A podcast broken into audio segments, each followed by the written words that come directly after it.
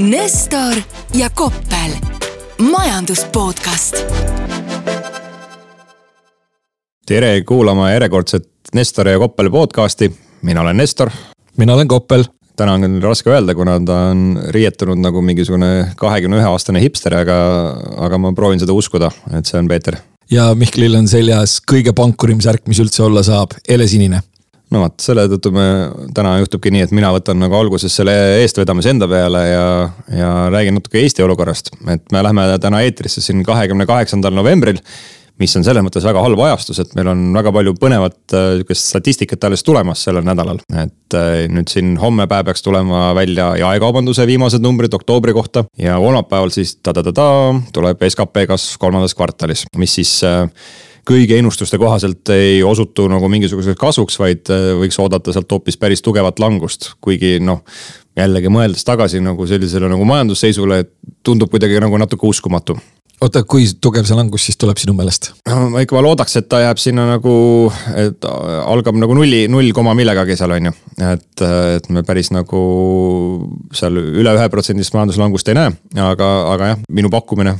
muidugi kui analüütik pakub, järelikult tuleb vastupidi, aga minu pakkumine on jah, et me seal seal miinusmärki näeme selle numbrikese ees. no ma kihla vedama ei hakka, aga ma arvan, et tuleb rohkem kui null koma. aga noh, naljakas selle juures on muidugi see, et äh, räägime on ju majanduslangusest tõenäoliselt, aga samal ajal, kui sa vaatad, mis tegid siis nagu ettevõtlussektori käive. et meil on maksuameti andmed selle kohta on väljas ja käibedeklaratsioonide alusel, mis sa pakud, palju siis nagu, mis käibemuutus oli meil kolmandas kvartalis? ma ei julge isegi pakkuda, aga ma lihtsalt kohe tahan hakata äh, jaurama sellel teemal, et see kõik on inflatsiooni pärast ja sellepärast see peaaegu ei loe no ta peaaegu ei loe, aga inflatsioon meil siin ütleme, et kui noh, augustis oli on ju meil tipp oli pluss kakskümmend viis protsenti.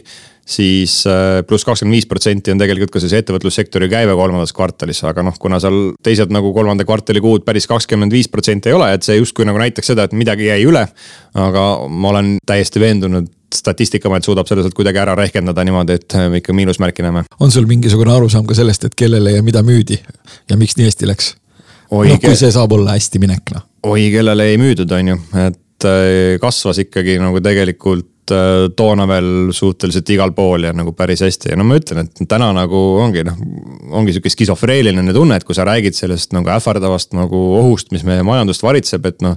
tegelikult sellel aastal ettevõtted lõpetavad oma majandusaasta küll nii, et üldiselt makstakse ilmselt ka boonuseid, kuna nagu tunne on.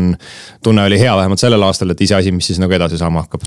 oi, nende boonustega kipub alati niimoodi olema, et kuigi, kui on mingisugune eelnev hea aasta olnud ja kardetakse, et järgmine aasta on halb, siis siis ülemused võtavad, teevad hapu näo pähe ja ütlevad, et äh, boonust ei saa või kui saab, siis vähe. Boonustest rääkides, siis äh, mis tuli eelmine nädal välja, oli siis äh, kolmanda kvartali palgakasvu number, mis ma ütleks, oli üllatavalt väike, kõigest kaheksa koma üks protsenti. Et tegelikult, kui me vaatame jällegi maksuameti andmeid, et nende hinnangul oli see pigem seal pluss kümme. ja noh, aga noh, kokkuvõttes ega kumbagi numbrit nagu väikeseks pidada ei saa ja mul on, Peeter, sulle hea uudis, ma ei hakka seekord küsima, sa niikuinii ei tea, aga, aga et sulle kindlasti meeldib see, et kus oli kõige kiirem palgakasv, avalik sektor. miks see mind absoluutselt ei üllata?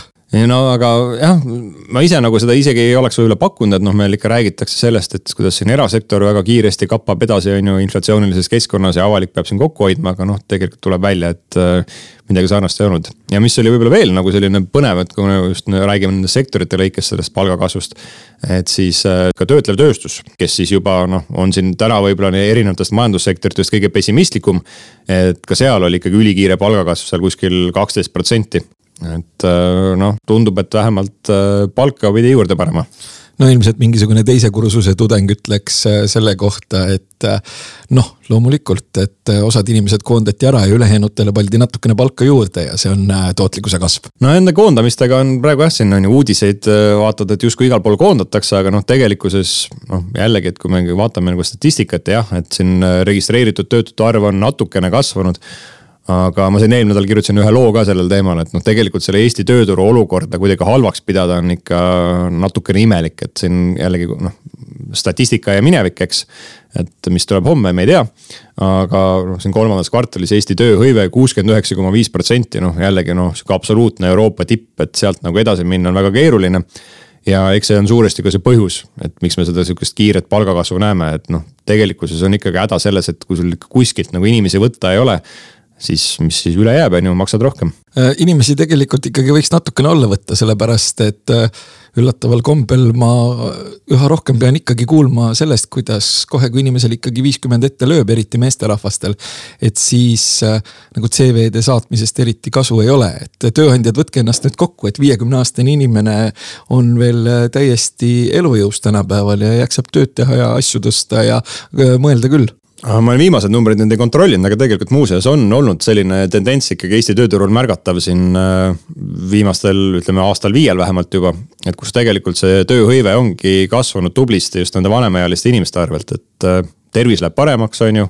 konkurentsivõime ka tänu sellele tugevneb, et noori nagu peale kuskilt ei tule tegelikult äh, inimesed Eestis on jätkanud töötamist. ja mis ma arvan, et on nagu hästi suur erinevus meie ja näiteks ütleme Soome vahel on see, et äh, tegelikult Eesti inimene ka pärast sellist nagu klassikalist pensioniiga kipub nagu tööl edasi käima.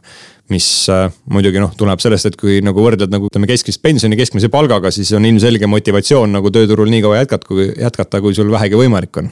ja, ja on ka selliseid ameteid, kus tegelikult äh, võib-olla ei saagi öelda, et see vanus nüüd mingisugune väga suur takistaja oleks, seepärast mulle tuleb jälle kohe oma ema meelde, kes, kelle vanus algab seitsmega ja kes minu meelest töötab äh, vist pooleteist kohaga. ja saab väga ilusti hakkama ja ausalt öeldes isegi mitte ei virise, et raske oleks. ja, et eks see töökohtade profiil on siin ka muutumas, on ju, et äh, mida vähem sa nagu füüsilist jõudu vajad, et seda kauem sa tõenäoliselt ka nagu tööturul suudad vastu panna et no tõepoolest, võib-olla sellise vanusega äh, kaelkookudega vett tõepoolest ei tassiks kolme kilomeetri kauguselt. ja, aga kui me, kui nüüd nagu ennustada seda, võib-olla siit on nagu hea üle minna selle nagu tööturu tuleviku teemale.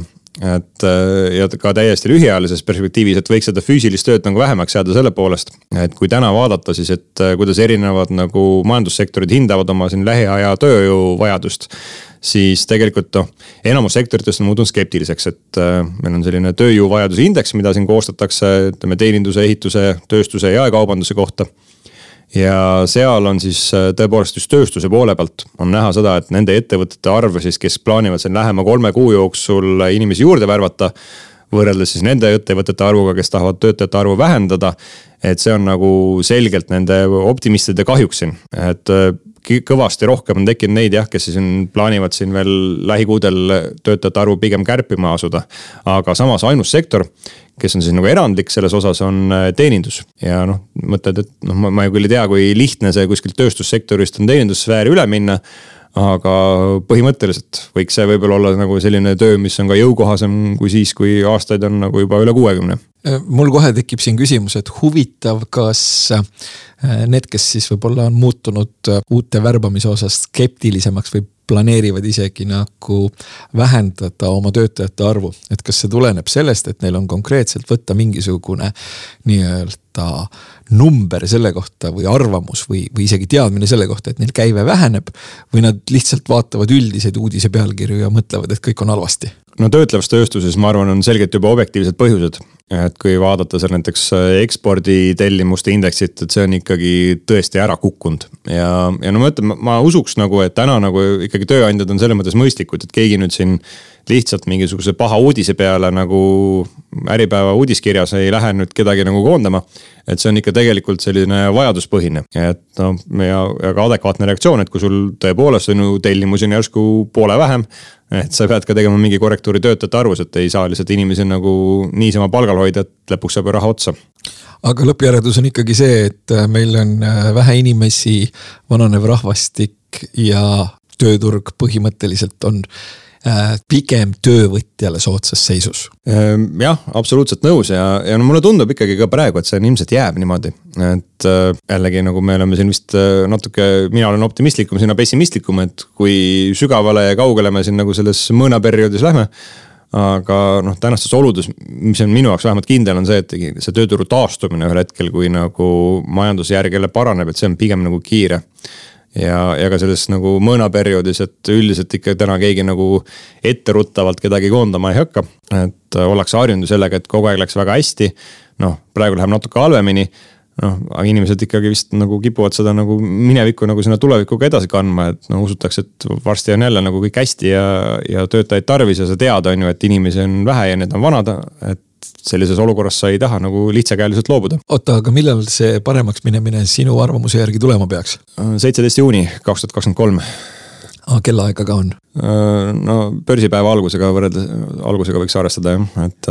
Selge, paneme kirja et äh, noh, see on laias laastus minu meelest veel siiamaani see nagu valdav vaade sellele, et äh, millal meil võiks paremaks minna. aga no ega see on, me oleme sellest intressimäärade teemale täna nagu ei tahaks nagu tagasi minna, on ju, aga, aga lihtsalt, et äh, võib-olla, kes pole siin eelmise osasid kuulanud, et täna see vaade on ju see, et intressimäärad seal kuskil uue aasta alguses nagu saavutavad teatava stabiilsuse ja sellega siis turg kohaneb, kõik võtavad selle arvesse ja asuvad varmalt uuesti nagu majandust üles ehitama.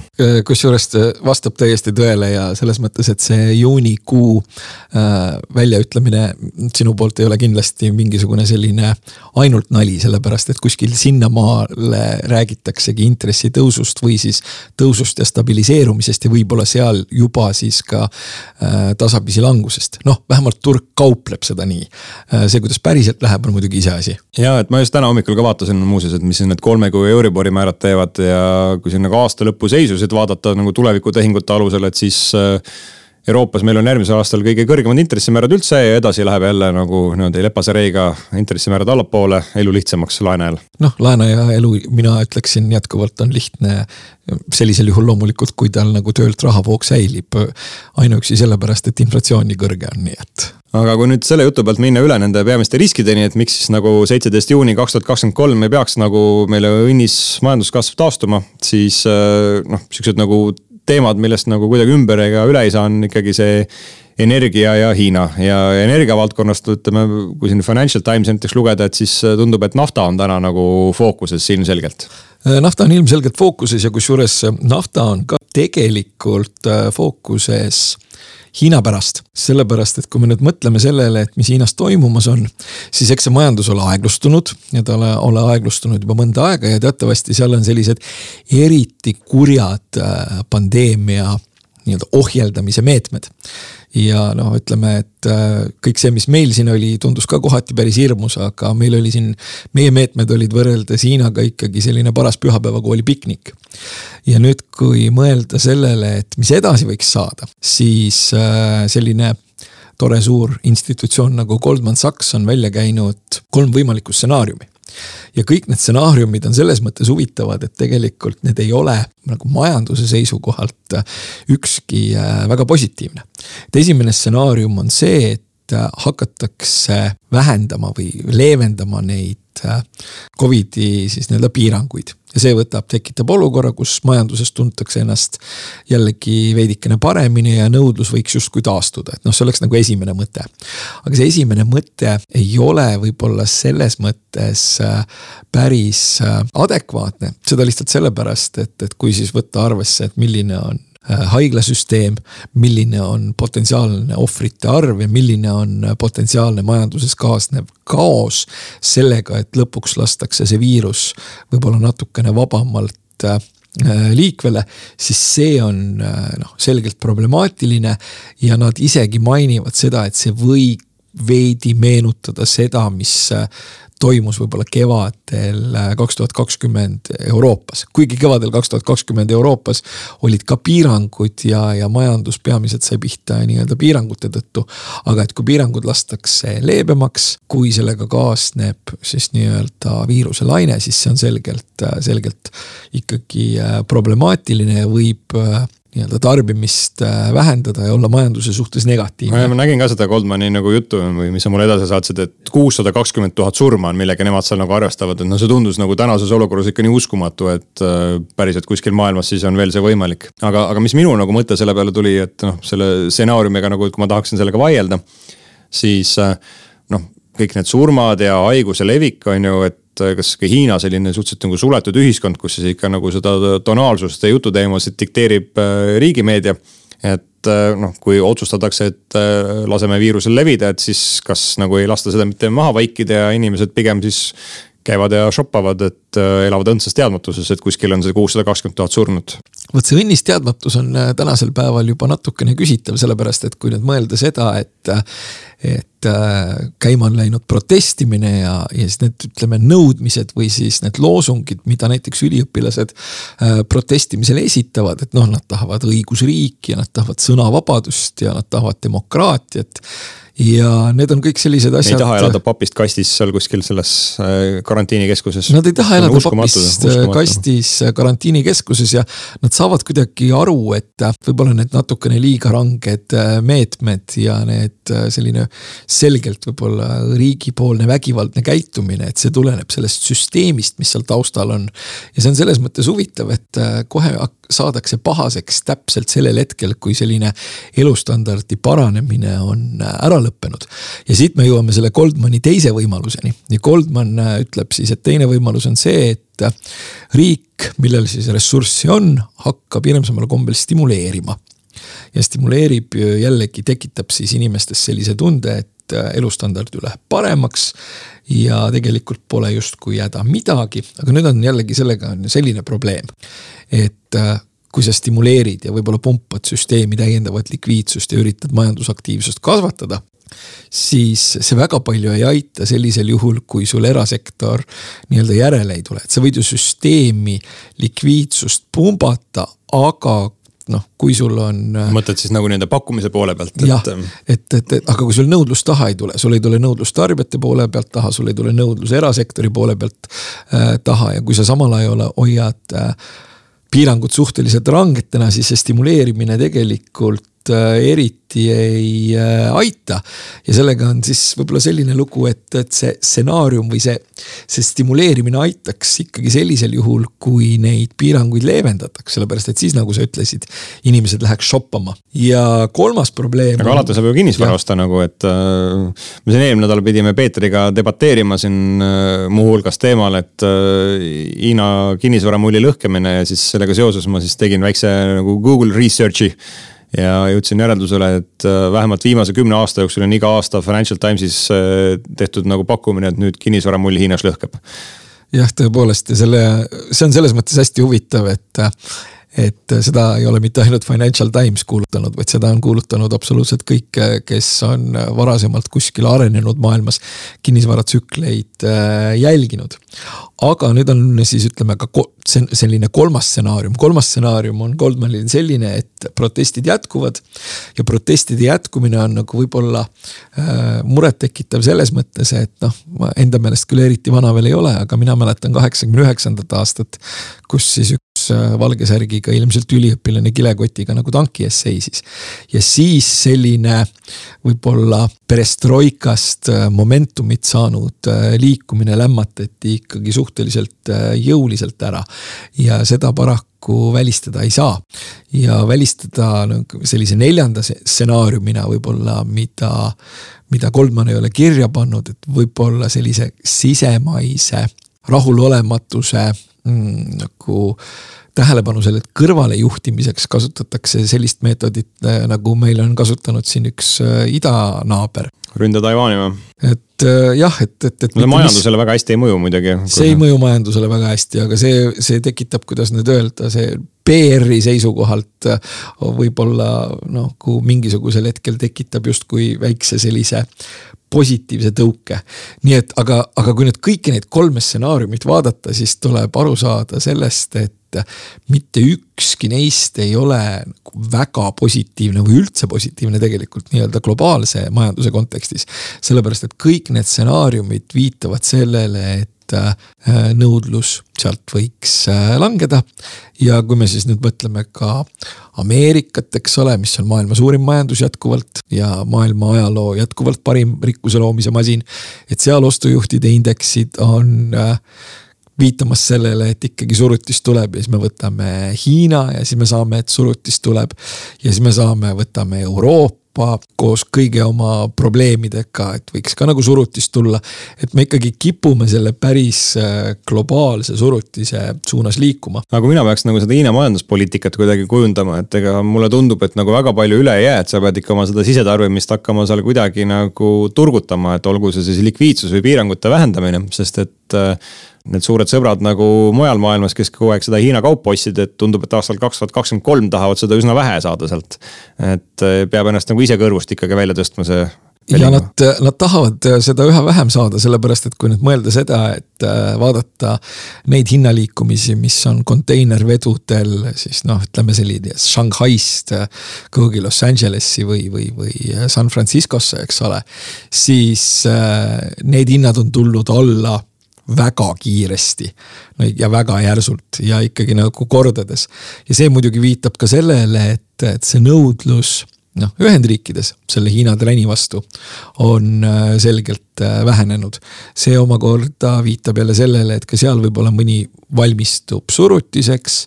ja kui, eks ole, transpordi hind läheb alla, kui nõudlus kukub ära, siis äh, ilmselt ka inflatsioon väheneb. nii et sa oled juba ajastanud endale nagu tellimused Aliekspressist, et kõik need BMW logoga plätud ja mis kõik sa sealt tellid, et need aastal kaks tuhat kakskümmend kolm tulevad sulle soodsamalt kui varem ma ausõna ei ole tellinud BMW logoga plätusid no, ja. on, on ruumi veel järelikult kapis. ja, ja võib ka öelda, et ega see Aliekspress nüüd nagu niivõrd äh, tore enam ei ole, sellepärast et äh, mingitele asjadele tulevad sinna peale toll ja maksud.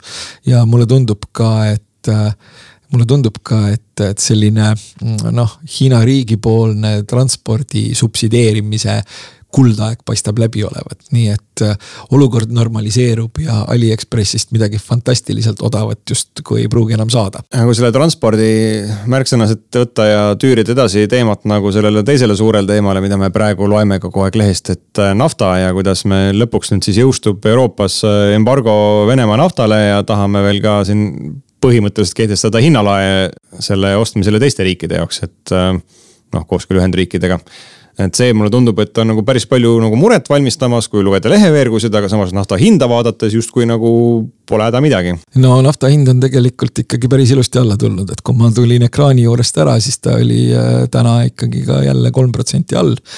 aga noh. aga on... võib-olla vahepeal enne, kui nagu me siin täiesti nagu mingi süvaanalüüsini ära lähme, et äh, kõik, kes siin ei loe igapäevaselt, siis äh, Financial Times, et neile teadmiseks, et järgmisest nädalast siis jah, et tulevad siis jõusse Euroopas sanktsioonid, et me ei saa enam Vene naftat osta. ja, ja tõesti, et siis ka see nii-öelda äh, kindlustuse probleem, et ühesõnaga, et riigid, kes ei nõustu äh, maksma Venemaale meie poolt kindlaks määratud äh, maksimumhinda või sellest madalamat hinda. et nendele, ütleme nendele laevadele ei tohi siis enam kindlustust müüa ja kuna siin üheksakümmend protsenti vist maailma laevadest, mis sõidavad ja naftat veavad, on nagu Euroopas kindlustatud, siis see on päris suur probleem. see on tõesti päris suur probleem ja noh, teine asi, kui me mõtleme sellele nafta hinnatasemele, siis äh, ma olen nagu aru saanud, et äh, siin on siis midagi sellist, kus siis äh, Eesti, Läti, Leedu ja Poola on Euroopa Liidu ühist seisukohta päris jõuliselt mõjutanud. et kui Euroopa Liidu nii-öelda suured tegijad tahtsid selle hinnalae või hinnamütsi või noh mulle meeldib hinnamütsiks kutsuda, sellepärast et noh, price cap, mis see cap muidu on, muud on kui müts. et äh, tahtsid selle hinnamütsi panna suhteliselt kõrgele ja võib-olla isegi, võib-olla ainult turuhinnast natukene allapoole. siis äh, väiksed ja õigustatult äh, tigedad äh, Balti riigid pluss Poola leidsid, et äh, kuulge, et kui me anname venelastele natukene liiga palju nafta eest raha, et siis äh, neil on ju ressurssi seda nagu liiga ebaviisakalt kasutada aga noh, mina muidugi julgeksin väita, et see Hiina teema ja see Hiina-poolse nõudluse potentsiaalne vähenemine äh, on oluliselt suurem faktor kui siis äh, see, et et, et me siin äh, natukene nii-öelda täiesti õigus, õiges suunas ja õigustatult rusikat näitame. ja see tegelikult tekitab ka sellise olukorra, et et, et ega siis ju ei ole ainult nafta see, mis äh, langeb, vaid tegelikult kipuvad äh, langema ka kõik toormed, sellepärast et noh, me ju teame, et äh, toormete puhul see Hiinast pärinev nõudlus, et noh, see majanduskasv on seal olnud nii-öelda toormerikas, sellepärast et kui sa ikkagi agraarühiskonnast tahad nagu kaasaegsesse ühiskonda jõuda, siis sa pead näiteks ikkagi päris korralikult elektri transportimiseks vaske maha panema, nii et et kas seal osas on noh, ütleme, et see pilt ei ole selles mõttes ilus, et et noh, esiteks tundub, et kõik suured majanduspiirkonnad liiguvad surutisse. teiseks on, eks ole, mingisugused, mingisuguste toormete puhul konkreetsemad ja spetsiifilisemad põhjused. aga üldiselt see toormepilt ei ole eriti hea aga kui ma korraks nagu selle unustan ära oma selle patriootliku kaitseliitlase olemuse ja moraali külge ära võtta, et noh, tegelikult on vist päris põhjendatud mure selles, et äh, tegelikult, et noh, kui Venemaa käitub nii, nagu ta ütleb, et ta käitub. Et ta ei kavatse müü, nagu leppida sellega, et on mingisugune piirhind ja ei müü siis seda naftat üldse. siis sellisel juhul, et noh, arvestades neid nagu mahtusid, mis Venemaalt tulevad, et äh, kuhugi, kui ikkagi ei õnnestu seda nagu ära müüa kuhugi teise riiki siis meil hakkab naftat päris kõvasti puudu jääma. ja noh, selles olukorras on tõesti paratamatu, et kui naftat on puudu, tõuseb selle hind. Äh, tõepoolest ja me ei saa tegelikult nafta puhul unustada ka seda, et äh, siin on hästi palju tegemist nii-öelda ajaga ja taktikalises perspektiivis võib tõepoolest tekkida olukord, kus nafta hind tuleb veelgi alla. aga kui nüüd mõelda sellele, et põhimõtteliselt nii-öelda struktuurselt on turg ikkagi defitsiidis, sellepärast et et äh, noh, mõned sellised äh, tootjad nagu Ühendriigid näiteks ei ole to oma tootmist eriti kasvatada tahtnud, eriti sinna investeer-, investeerinud. ja selles suhtes on äh, probleem käes. teine koht, kus muidugi on probleem käes, on see, et ka siis nii-öelda rafineerimisvõimsusega on võib-olla natukene probleeme. mis siis tähendab seda, et, et kohe, kui nõudlus kasvab, siis noh, ütleme liigub ka, liigub ka hind ülesse. ja siit võibki sellise huvitava mm, nii-öelda äh, arengu leida, et näiteks energiaettevõtted, eks ole, kes selle nafta ja gaasiga tegelevad, noh, nafta hind on, eks ole, alla tulnud. noh, nende hinnad, noh tavaliselt liiguvad energiaettevõtete aktsiate hinnad ja, ja, ja energiakandjate hinnad koos, sellepärast et no mis see energiaettevõtte äri muu on, kui võimendusega. kabanossid. ja ei noh, see on ju aekaubandusäri, ma mõtlen ikkagi suuri energiaettevõtteid. et noh, mis see muu äri on, kui see on võimendusega nii-öelda võimend-, näiteks investorile võimenduse võim-, võimaldamine siis energiakandja suhtes. aga need energiasektorit ei ole veel nagu müüma hakatud sellepärast et eeldatakse, et see turg ikkagi ilmselt on struktuurses defitsiidis. ja pikemas perspektiivis energiasektori võimekus hirmsamal kombel raha teenida jätkub see on, ütleme üks spekulatsioon, teine spekulatsioon on see, et kui nii-öelda graafikul tekib liiga suur vahe nende energiaettevõtete aktsiate ja siis äh, nafta hinna vahele, et siis üks või teine nendest näitajatest peab ühel hetkel nagu märkimisväärselt järgi andma. ehk siis kas energiasektori ettevõtete aktsiad kukkuma või siis nafta hind tõusma. nii et äh, selles mõttes nafta puhul ma julgeksin öelda, et taktikaliselt saab näha päris korralikku valu. aga kui ma veidikenegi strateegilisemalt vaatan, siis noh, pigem, pigem äh, kahtlustan, et see, et me, me me näeme selle hinna ära ka ikkagi nagu kolmekohal, kohalisena ja mitte liiga kauges tulevikus no kolmekohaline on veel üleelatav, sest et äh, peamine täna on ju meil energia kättesaadavus, et selle üle ka ju spekuleeritud siin, et ähm, noh, Venemaa on ka väga oluline näiteks diiseltootja, ehk no erinevad siuksed nagu rikastatud naftatooted juba. et äh, hea, et meil üldse siis nagu midagi tanklast nagu tulemas on, et kas, kas me võime olla kindlad, et selle eest on hoolitsetud suur hea emake Euroopa noh, ütleme nii, et kui ma mõtlen ka sellele rafineerimisvõimsuse problemaatikale, siis äh, natukene tekitab sellise õõnsa tunde küll. Panid hommikul paagi täis? no ütleme nii, et ma olen hoidnud alates äh, kahekümne neljandast veebruarist ikkagi, ikkagi paagi täis, et see on võib-olla selline vähim riskide maandamise viis, mida nagu teha saab, sellepärast et noh, loomulikult. Äh, kui me nüüd nagu mõtleme sellele, et, et, et, et see ei tähenda isegi kui tekib probleeme, see ju ei tähenda seda, et tanklas kütust ei oleks, et sul on kõigepealt juhtub, enne seda juhtub kaks asja. et kah tõenäoliselt hind läheb äh, suhteliselt kõrgeks ja teine asi on see, et võib-olla noh, kehtestatakse mingisugune piirang, et sa ei saa näiteks rohkem kui kolmkümmend äh, liitrit korraga võtta. et noh, need juhtu-, juhtuvad ikkagi enne, aga muidugi ega kumbki neist ei ole ju ka majandusele mitte kuidagi nagu mõnus, sellepärast et kui me mõtleme sellele, et millega meil siis ikkagi, mis meil majanduskasvu või kas nüüd mitte just kasvu, ütleme majanduse kütus on. siis see on ju diisel, et kõik suured autod, mis midagi veavad, sõidavad diisliga. ja see oli nüüd see, kuidas Peeter Koppel põhjustas äh, tanklas kütusepaanika. ja ma arvan, et selle nagu kena mõttega võiks seekord meie pooltundil otsad kokku tõmmata ja vaatame siis kahe nädala pärast, et äh, palju osteti. kõike head